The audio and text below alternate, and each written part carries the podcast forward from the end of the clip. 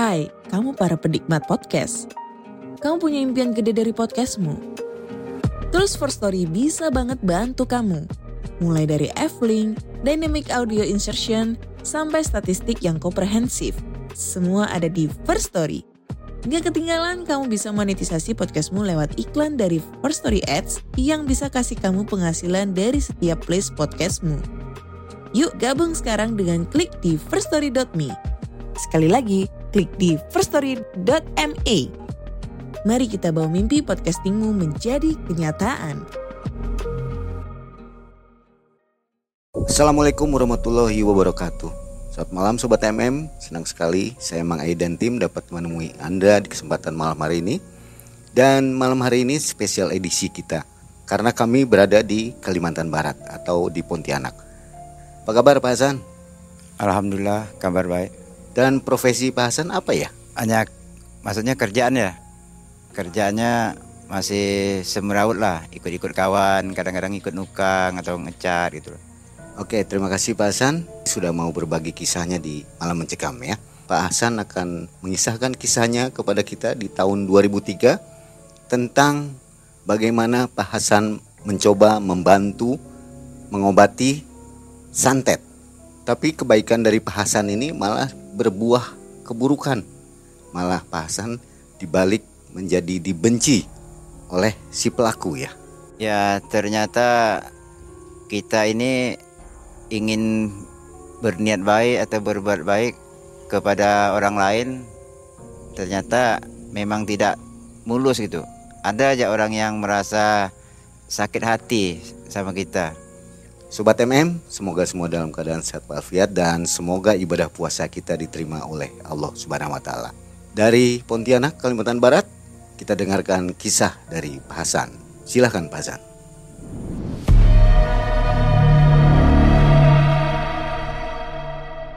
Jadi gini Bang, ini kisahnya saya mulai tahun 2003 awal. Itu pada waktu itu ada tetangga di depan rumah itu hamil 7 bulan. Ternyata tetangga yang hamil itu sakit. Dia datang ke rumah, Pak katanya, Bapak manggil mama sakit.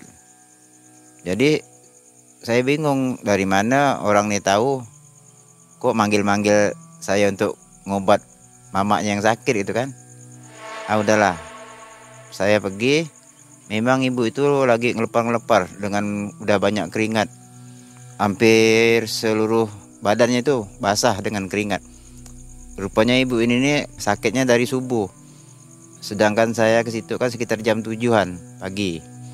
Rupanya istri saya itu dari awal udah ke situ ngeliatin ibu tadi tuh ternyata di situ udah ada beberapa orang tiga orang nggak salah yang bantu ngobat cuman ibu itu tetap ngelepar ngelepar gitu. Nah, jadi perasaan istri itu kan memang udah tahu dulu. Saya juga biasa nolong-nolong orang seperti itulah kan yang minta tolong. Saya mohon izin dengan suaminya untuk minta air segelas air putih dan tiga buah bawang merah. Cuma saya minta izin juga untuk dengan suaminya itu megang perut istrinya. Meski sebenarnya saya tidak megang perut cuma saya percikan aja air itu. Saya percikan langsung saya tinggalkan pulang. Ternyata tanpa sepengetahuan saya pas saya pulang itu si ibu ini sembuh. Jadi kan waktu ibu ini sakit kan ramai itu anggota keluarganya yang ngeliat. Jadi ter, adalah terceplos omongan dari beberapa orang. Oh tadi si A si B si C ngobat tidak sembuh. Sekali bapak ini sembuh gitu kan. Kita dulu pernah belajar di suatu perguruan dan di antara pelajaran itu ada diajarkan ayat-ayat untuk pengobatan. Jadi kita juga diwajibkan untuk nolong orang yang membutuhkan pertolongan. Cuman kita sendiri nggak nampilkan bahwa kita bisa ngobat gitu. Jadi pas selesai itu ada beberapa hari kemudian saya lagi sholat maghrib. Setelah selesai sholat maghrib saya kan lanjut dengan zikir tahu-tahu istri saya dari kamar teriak bang bang ngapa badan kami ini lemas bang? Bilang. Kayak tidak ada tenaga dia kan. Dia sambil ngendong anak pak. Karena waktu itu kami masih baru punya anak kita umur dua bulanan. Jadi dia lagi nyusukan anaknya, cuma dia terasa badannya kosong gitu, lemah. Akhirnya ya kita coba bantu, cuman besoknya dia makin lemah, makin lemah. Akhirnya kita panggil lah saudara-saudaranya yang ada kan. Keputusan dari adik beradik ini atau saudara ini dibawalah ke dokter. Hasil pemeriksaan dokter dibilanglah istri saya ini sakit mah. Jadi di waktu itu rutin berobat satu minggu sekali nggak salah. Satu minggu sekali harus rutin. Cuman berobat berobat berobat terus. Waktu itu kita kan belum punya kendaraan motor apa belum ada juga grab kayak sekarang. Jadi kadang-kadang malam kita sewa lah oplet untuk menuju ke tempat dokter praktek itu kan daerah pasar yang ada di Pontianak ini. Cuman nggak ada juga perubahannya. Jadi sementara istri saya ini kalau siang malam itu sukanya berludah gitu. Akhirnya karena nggak enak juga keluar masuk kamar kan, akhirnya kita sediakan pispot tuh. Pispot untuk berludah lah, jadi bisa dibawa ke dalam kamar. Paginya dibuang, paginya dibuang. Mungkin masih ada bau amis atau apa kan baunya amis ini kan suka diinggapin lalat tuh yang anehnya lalat inggap di pespot itu lalatnya mati gitu ya udahlah kita tidak hiraukan lah itu kan uh, singkat cerita uh, setelah kurang lebih satu tahun ke dokter nggak ada gak perubahan. Akhirnya ada saran dari datuk tuh datuk saya coba-cobalah kau nih obat istri kau nih dengan orang kampung kata kan istilahnya dukun lah di sini kan. Karena ke dokter pun tidak ada perubahannya bilang. Karena istri saya itu kan kalau dingin terasa sangat dingin. Kalau panas terasa sangat panas dia kita mulailah cari-cari yang katanya orang sini orang pintar lah kan waktu itu pas datuk itu juga ada kawan yang biasa ngobat juga nenek-nenek sih nah, jadi dibawa lah nenek itu datang ke rumah datuk saya kan pergi juga tempat datuk tuh sama istri dan tiga anak. Pas nenek tuh ngobat pakai tangkai daun sirih kan ada daun sirih itu ujungnya kan ada tangkai itu. Nah, diambil tiga batang tangkai itu dimasukkan dalam gelas yang udah ada air putihnya. Yang duanya tenggelam, satu timbul. Nenek itu terkejut dia. Ah, langsung nenek itu ngomong, "Alah, Cuk. Ini nih kau ini bukan bentan atau bukan sakit mah," bilang kau ini dia orang maksudnya ada orang yang memang sengaja ngirim penyakit gitu cuman sebenarnya yang ditujukan ini bukan untuk kau untuk suami kau dia bilang cuman kau ini ada kemponan makanya kena ah, mulailah nenek itu ngobat dan waktu itu nenek itu pakai isap nggak salah jadi pas ngisap leher tang leher istri, lah kan nenek itu tergigit seperti benda tajam pas dilihat tuh ternyata kayak taji ayam tuh, taji ayam jantan tuh. Ah, sejak itulah istri saya baru bisa nyusukan anaknya. Padahal sebelumnya itu istri saya tidak bisa nyusukan anaknya karena setiap anaknya mau ngisap susunya itu puting susunya sakit leher itu luar biasa gitu. Akhirnya waktu itu anak itu kita kasih minuman kotak lah istilahnya kan, susu formula. Kita main lagi ke rumah nenek itu ada berapa kali nenek itu buatkan ramuan ramuan ramuan yang ada dijual di pasaran. Cuman kita ndak tahu jumlahnya berapa dan kita ndak paham juga mau beli nenek itu yang beli kan. Cuman nggak sampai selesai perobatan dengan nenek itu karena nenek itu pas kami mau pergi yang ketiga kali itu nenek itu ternyata sakit ternyata nenek itu jatuh dari lantai dua rumahnya kan dua tingkat tuh jatuh langsung sakit tidak bisa bergerak lah. Akhirnya berobat dengan nenek itu terputus karena nenek itu udah tidak bisa ke pasar untuk beli ramuan. Kita ada dengar lagi orang hebat di daerah pantai utara lah, sebelah sana Singkawang itu kan. Dulu kita naik bis, bis antar kota lah istilahnya. Ya, sampai ke sana berobat, saya disuruh cari telur ayam kampung, tujuh butir. Wah, saya sendiri yang cari, cari akhirnya dapat. Nah, pas sudah masuk ketemu itu Pak Haji itu yang ngobat tuh di ruangan tamu sih. Istri saya disuruh bareng, saya disuruh istilahnya kalau nganukkan telur ke perut tuh namanya ngalen kalau orang sini bilang. dialin tuh narik penyakit itu kan karena istri saya awalnya kan memang keluhannya di perut.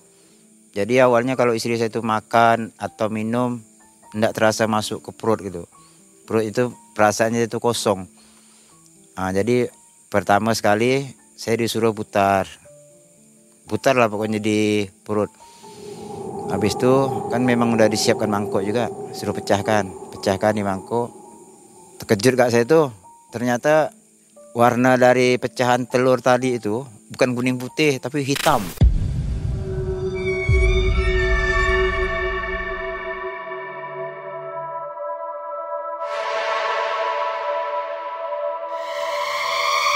Putar lagi yang kedua.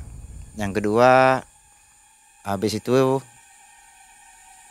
ada kurang lebih lima menitan lah tuh mutar tuh. Pecahkan lagi di mangkok uh, warnanya seperti kopi susu, tapi kopi susunya kental gitu, masih kental gitu hitamnya. Yang ketiga itu udah mirip kopi susu yang agak encer. Yang keempat udah agak bagus. Yang kelimanya warnanya udah normal seperti telur biasa. Kuning dan putihnya nampak gitu. Jadi setelah telur yang kelima udah normal warnanya, kan masih ada sisa dua buah telur nih. Kita pertama disuruh cari tujuh. Sisa dua yang duanya itu udah tidak digunakan. Itulah dia bilang ini penyakit dia ini ada diberi makan dia bilang. Dan dia ini udah termakan. Dia termakan barang lah istilahnya kan. Oh, inilah nih dia orang-orang jahat nih dia bilang nih ngirim kayak sejenis racun gitulah. Cuma dimasukkan ke dalam makanan dia pura-pura ngasih ke kita gitu kan. Setelah pulang tidak langsung sembuh juga tuh dengan Pak Haji itu. Jadi kita dengar lagi ada orang hebat di daerah Gresik. Eh, itu daerah sebelum Tebas tuh. Mau menuju arah Sambas. Pergi lagi kita ke sana. Nah, kebetulan di sana nginap juga di rumah keluarga juga. Ada tiga hari kita di sana. Pulang lagi Pontianak belum juga sembuh. Kita dengar lagi orang orang hebat di daerah Segedong. Ada nama Segedong di Pontianak kita pergi. Itu pada waktu itu kita pergi musim banjir. Waduh pas ada simpang empat tuh namanya sungai kelapa kelapa tinggi itu. Itu seram juga lihat sungai itu berputar air itu. Pikir deh kalau tenggelam sampan kan kita kan naik sampan tuh. Ngeri ngeri juga lah gitu. Bawa anak kecil lagi kan. Tapi alhamdulillah bisa juga sampai. Nah, di sana berobat Makanya istri saya ini sakitnya aneh. Kalau kita lihat sekilas, dia tidak sakit. Makanya banyak orang tidak percaya kalau istri saya itu sakit. Tapi kalau istri kita tidak sakit, ngapain kita bawa berobat ke mana-mana kan? Ngabiskan duit, waktu. Akhirnya di sana ketemu, katakanlah dukun kampung di sana lah kan. Tanpa disengaja, rupanya dukun kampung ini masih ada familian dengan ibunya istri ini jadi masih termasuk pamannya gitu kan. Nah situ karena kita waktunya panjang nggak pengobatannya jadi kita nginap di sana. Ada dua hari kita nginap di sana. Nah, habis itu pulang.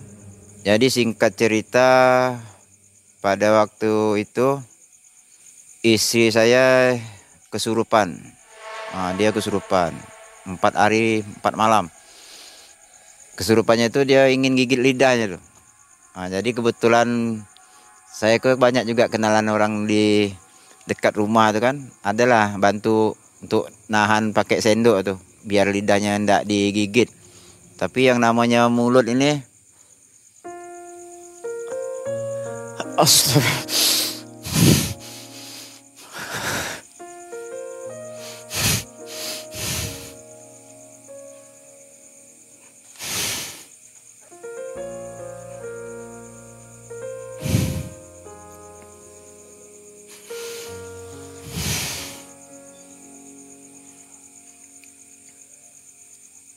Jadi terbayang iya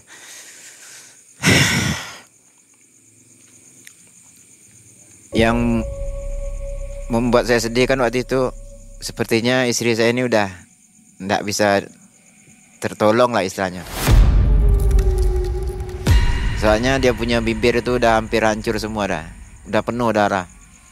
Udah empat hari, empat malam, nggak makan, nggak minum. Nah sementara kita mesti punya anak. Anak yang pertama aja masih SD, yang kedua belum sekolah, yang ketiga masih umur dua bulan lebih. Mana kita tidak sedih lah kan? Akhirnya waktu dia kesurupan itu baru ketahuan. Dia marah-marah sama saya. Kau dia bilang aku nyakitkan orang, kau nyembuhkan orang katanya.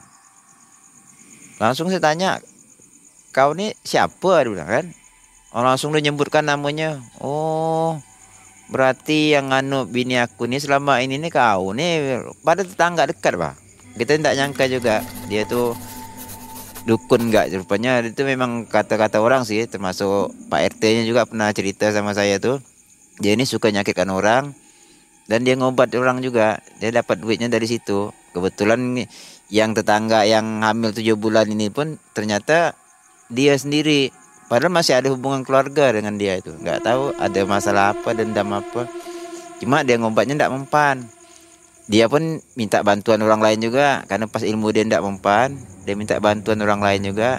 Dan menurut cerita itu istri itu udah dibuat seperti boneka. Boneka yang dari bahan batang padi yang namanya jerami itu. Udah dibuat boneka. Kemudian sepertinya dibuatkan rakit mungkin rakit kecil lah kita tidak paham juga. Rakit dan boneka tadi ini diletakkan di atas rakit itu. Diletakkan di tengah kolam dengan tali. Jadi oh pantas lah. Kami pikir waktu itu kan istri saya kalau udah siang itu kepanasan kalau malam kedinginan. Kan jasadnya kan istilahnya disimpan di atas danau. Padahal itu kolam, seolah-olah danau lah kan. Ah, cuma saya bilang dengan dia, aku nolong dia karena memang tugas kita lah orang minta bantu, saya bilang. Cuman ngapa pula kau sakit hati saya bilang. Aku bukan kaya setelah ngobat dia. Satu rupiah pun aku ndak ada dikasihnya duit. Saya bilang gitu. Pokoknya dia marah lah.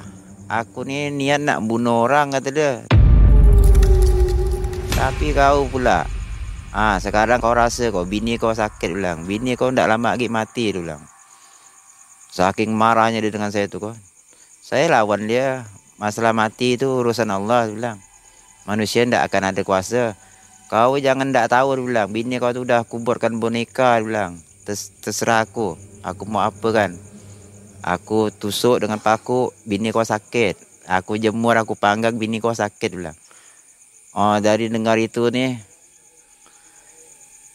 ya betapa sedih gitu kan nanti kan kan mikir anak masih kecil kan siap-siap mau ditinggal istri lagi kan ya udahlah akhirnya waktu itu ada juga tetangga yang nolong lah kan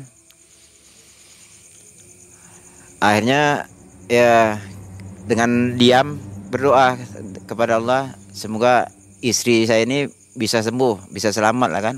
Mohon pertolongan dari Allah kan. Setelah empat hari istri saya kesurupan tuh, udah tidak ada lagi lah perlawanan dari makhluk gaib itu. Karena kondisi istri ini lemah, jadi atas saran-saran tetangga apa, dibawalah ke rumah sakit. Di rumah sakit yang besar juga di daerah Pontianak ini. Jadi di, di rumah sakit itu ada 12 hari. 9 hari itu full diimpus tuh. Ha, jadi pas mau ke WC mau ke mana kita bawa lah impusnya. 9 hari diimpus. Setelah agak sehat, pas hari ke-12-nya kita bawa pulang. Cuman akhirnya setelah dua bulan kurang lebih dua bulan keluar dari rumah sakit tuh istri saya tengah malam teriak lagi Alah bang sakit bang dia bilang. Empat hari empat malam. Allah ramai orang mau lihat istri tadi lain yang di luar halaman saya pun waktu itu pikiran dah buntu lah. Udah ndak ingat makan ndak ingat mau masak mau apa. Tapi ada aja orang antarkan makanan untuk anak lah kan. Ada yang antar tahu-tahu udah ada kopi dua teko tiga teko kadang. Bahkan tanpa kita sadari udah ada kipas angin. Ndak tahu siapa siapa yang bawa kipas angin di rumah tuh kan. Udahlah saya sur saya bangunkan anak saya. Anak saya waktu itu masih kelas 2 SMP jam sekitar jam 2 malam bang bang bangun bang. Kau panggil ini ya kan? Alah pak udah jam berapa nih pak. Dah kau panggil lah bilang. Bilang bapak nyuruh ke rumah. Nah, Pas anak saya kedatang Rupanya orang itu pun belum tidur kak. Langsung buka ke pintu lah. Ngapa? Bapak manggil ke rumah kata kan. Datang. Masuk. Assalamualaikum bilang. Waalaikumsalam bang. Ah, ngapa kau ni Alah Bang tolong istri saya bang bilang. Kau ngapa bilang Nggak mampu lah bilang kan biasa kan dulu kan kalau ada sakit kan saya ikut nolong juga. Cuman ini nih udah malas dah sudah. Saya suruh beliau nangani istri. Nah, saya sementara saya sendiri saya ngambil air wudhu, sholat ya. Habis sholat sunat wudhu, sholat sunat hajat. Langsung saya mohon kepada Allah lah. Ya Allah, tolonglah. Kalau memang ada orang yang berniat jahat kepada kami, berilah kesadaran ya Allah. Amba udah tidak mampu dah bilang kan. Amba takut, amba putus asa. Nah, karena kesabaran amba ini sangatlah terbatas. Tolonglah ya Allah, sadarkan orang yang berniat jahat kepada kami itu. Ya Alhamdulillah karena dulu waktu bujangan juga saya pernah belajar. Ya seperti ilmu-ilmu gitulah kan. Pernah-pernah belajar makanya kita ada keseimbangan lah untuk bertahan dan melawan kebetulan yang yang nolong-nolong lah kemarin ini kan memang orang-orang alim juga. Kita semua mohon kekuatan, mohon kepada Allah kan agar istri kita ini menang. Nah, cuman saya beri semangat, kau harus lawan. Kau ingat anak kau masih kecil, kau harus lawan, jangan kalah. Allah bang, badan kami lemah bang, dia bilang. Akhirnya setelah dia udah sangat sekarat lah kelihatannya kan, dipanggil lah adik-adiknya. Ah, di situlah adik-adiknya semua minta ampun, minta maaf. Empat hari empat malam itu kita memang berlawan. Saya pun waktu itu tanpa saya sadari tiba-tiba saya terbayang wajah harimau. Langsung saya tidak sadar itu.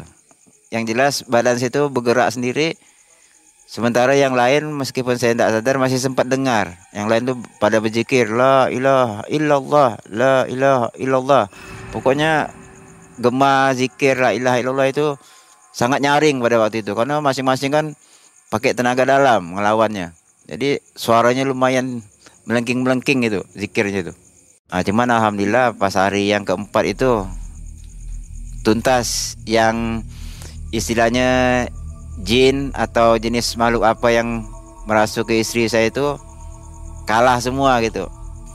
Cuman memang waktu sebelum malam-malam keempat itu banyak binatang-binatang tuh yang masuk di rumah. Seperti belalang besar belalangnya ada kala jengking lipan. Cuma saya pesan dengan orang jangan dibunuh biar ya. Masa malam-malam ada lalat ada langau. Langau itu sejenis lalat yang besar itu warna hitam itu ada kala jengking, ada ular. Oh, udah bilang ini tetap santet ini bukan. Ya situ yang kita lawan itu. Akhirnya mungkin karena kita mohonnya memang kekuatan dan kesembuhan dari Allah itu kan. Satu-satu makhluk makhluk itu tuh hilang gitu. Sekitar jam 10 pagi kalau tidak salah baru selesai pertarungan tadi itu.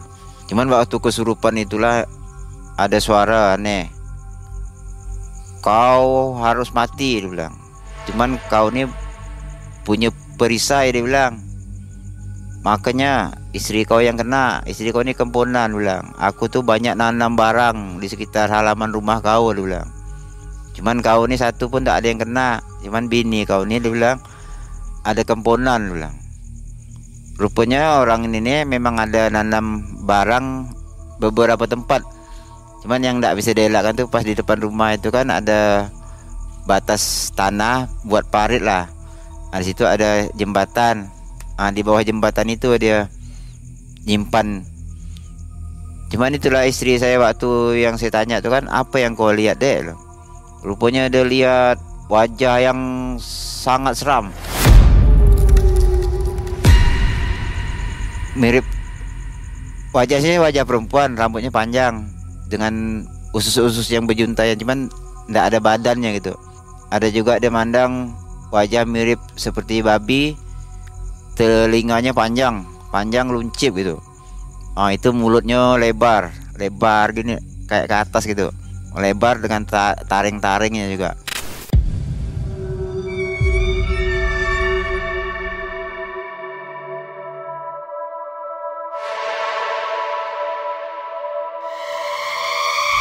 Ah itu buat dia takut juga tuh.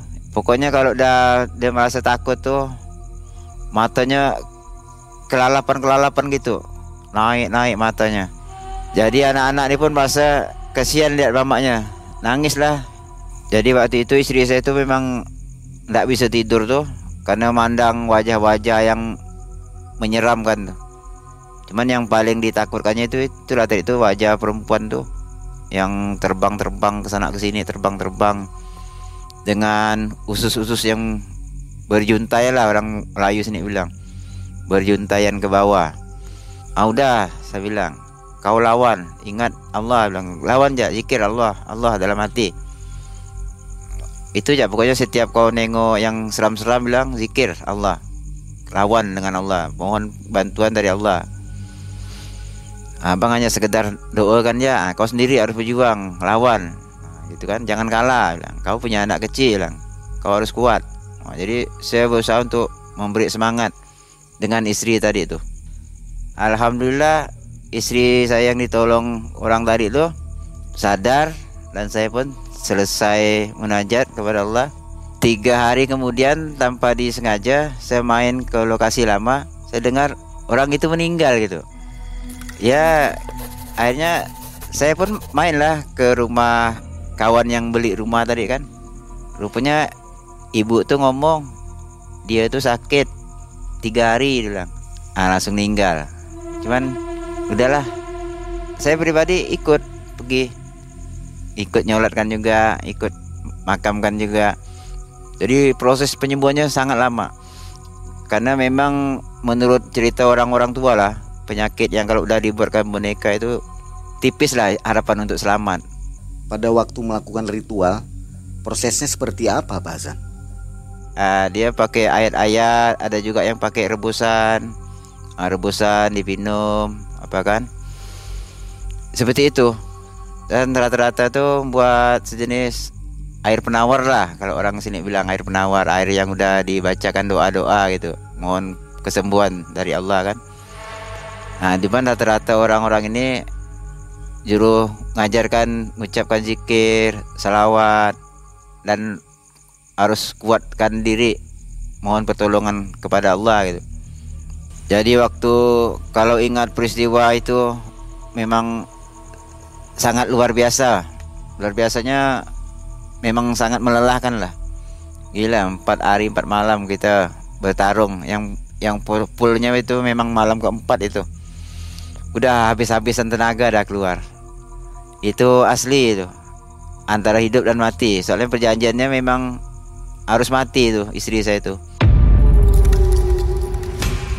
Tapi karena kita masih kuat kita mohon pertolongan dari Allah. Karena hanya Allah yang maha kuat.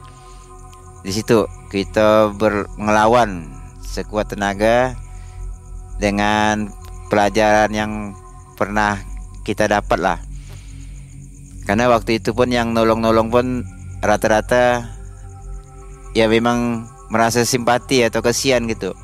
Melihat seorang ibu kesurupan dengan tiga orang anak yang masih kecil gitu kan. Jadi rata-rata itu spontan yang merasa tahu nolong gitu. Nah, jadi di situ juga kita tahu jadi oh di kampung ini ternyata banyak juga orang-orang yang pandai gitu kan itu gara-gara istri saya sakit tuh kemarin tuh. Banyak kita kenal orang-orang yang kesehariannya kita anggap biasa-biasa ternyata memiliki ilmu juga. Setelah melalui beberapa tahap pengobatan kayaknya memang kita pun udah tidak kuasa dah menghitung yang udah berapa banyak kan. Yang jelas banyak sekali dan banyak orang banyak tempat kita pergi untuk ngobat Nah, di situ pada akhirnya ya kurang lebih sekitar kurang lebih enam tahun baru istri lumayan sembuh lah gitu. Itu memang benar-benar pengalaman yang luar biasa lah luar biasa. Soalnya tidak nyangka istri itu masih bisa bertahan hidup sampai sekarang gitu. Dan kami setelah dia sehat masih dikaruniai dua orang anak. Jadi anak saya itu udah ada lima sampai sekarang. Kesimpulan yang saya tarik dari peristiwa ini bisa saya bagikan juga lah bagi saudara-saudara saya ataupun orang-orang lain lah yang merasa dirinya terkena santet atau memang terkena santet. Pertama kita harus bertahan, harus kuatkan semangat atau hati. Bagi yang beragama Islam mohon kekuatan kepada Allah Subhanahu wa taala untuk melawan atau untuk mendapatkan kekuatan dan untuk selamat dari ilmu santet ini. Dan bagi yang belum pernah terkena santet jangan coba-coba juga nggak percaya, belajarlah penangkal-penangkal ilmu santet. Karena ilmu santet ini saya yakin berlaku dari dulu sampai nanti. Jangan bilang tidak ada santet, ada. Mudah-mudahan yang belum kena terhindarlah dari musibah-musibah apa pun yang namanya santet. Karena itu memang sangat banyak cerita, khususnya di Pontianak ini yang namanya santet itu ada yang dikirim paku, jarum, silet, banyak sekali. Jadi kita harus bertahan dengan keyakinan agama kita masing-masing. Cuman pesan khusus untuk yang orang Islam, yang Muslim nih, carilah orang-orang yang seagama dengan kita agar kita tidak disalahkan dalam keyakinan kita sebagai orang Islam. Oke Sobat MM, demikianlah kisah dari Pak Hasan tahun 2003 ketika Pak Hasan mencoba membantu mengobati santet yang akhirnya malah Pak Hasan yang menerima keburukannya. Keluarganya pun menerima keburukan malah kena santet. Dekatkan diri kepada Allah Subhanahu wa taala agar kita terhindar dari hal-hal seperti kisah dari Hasan tadi. Baik, Mangai dan tim dari Pontianak, Kalimantan Barat undur diri. Assalamualaikum warahmatullahi wabarakatuh.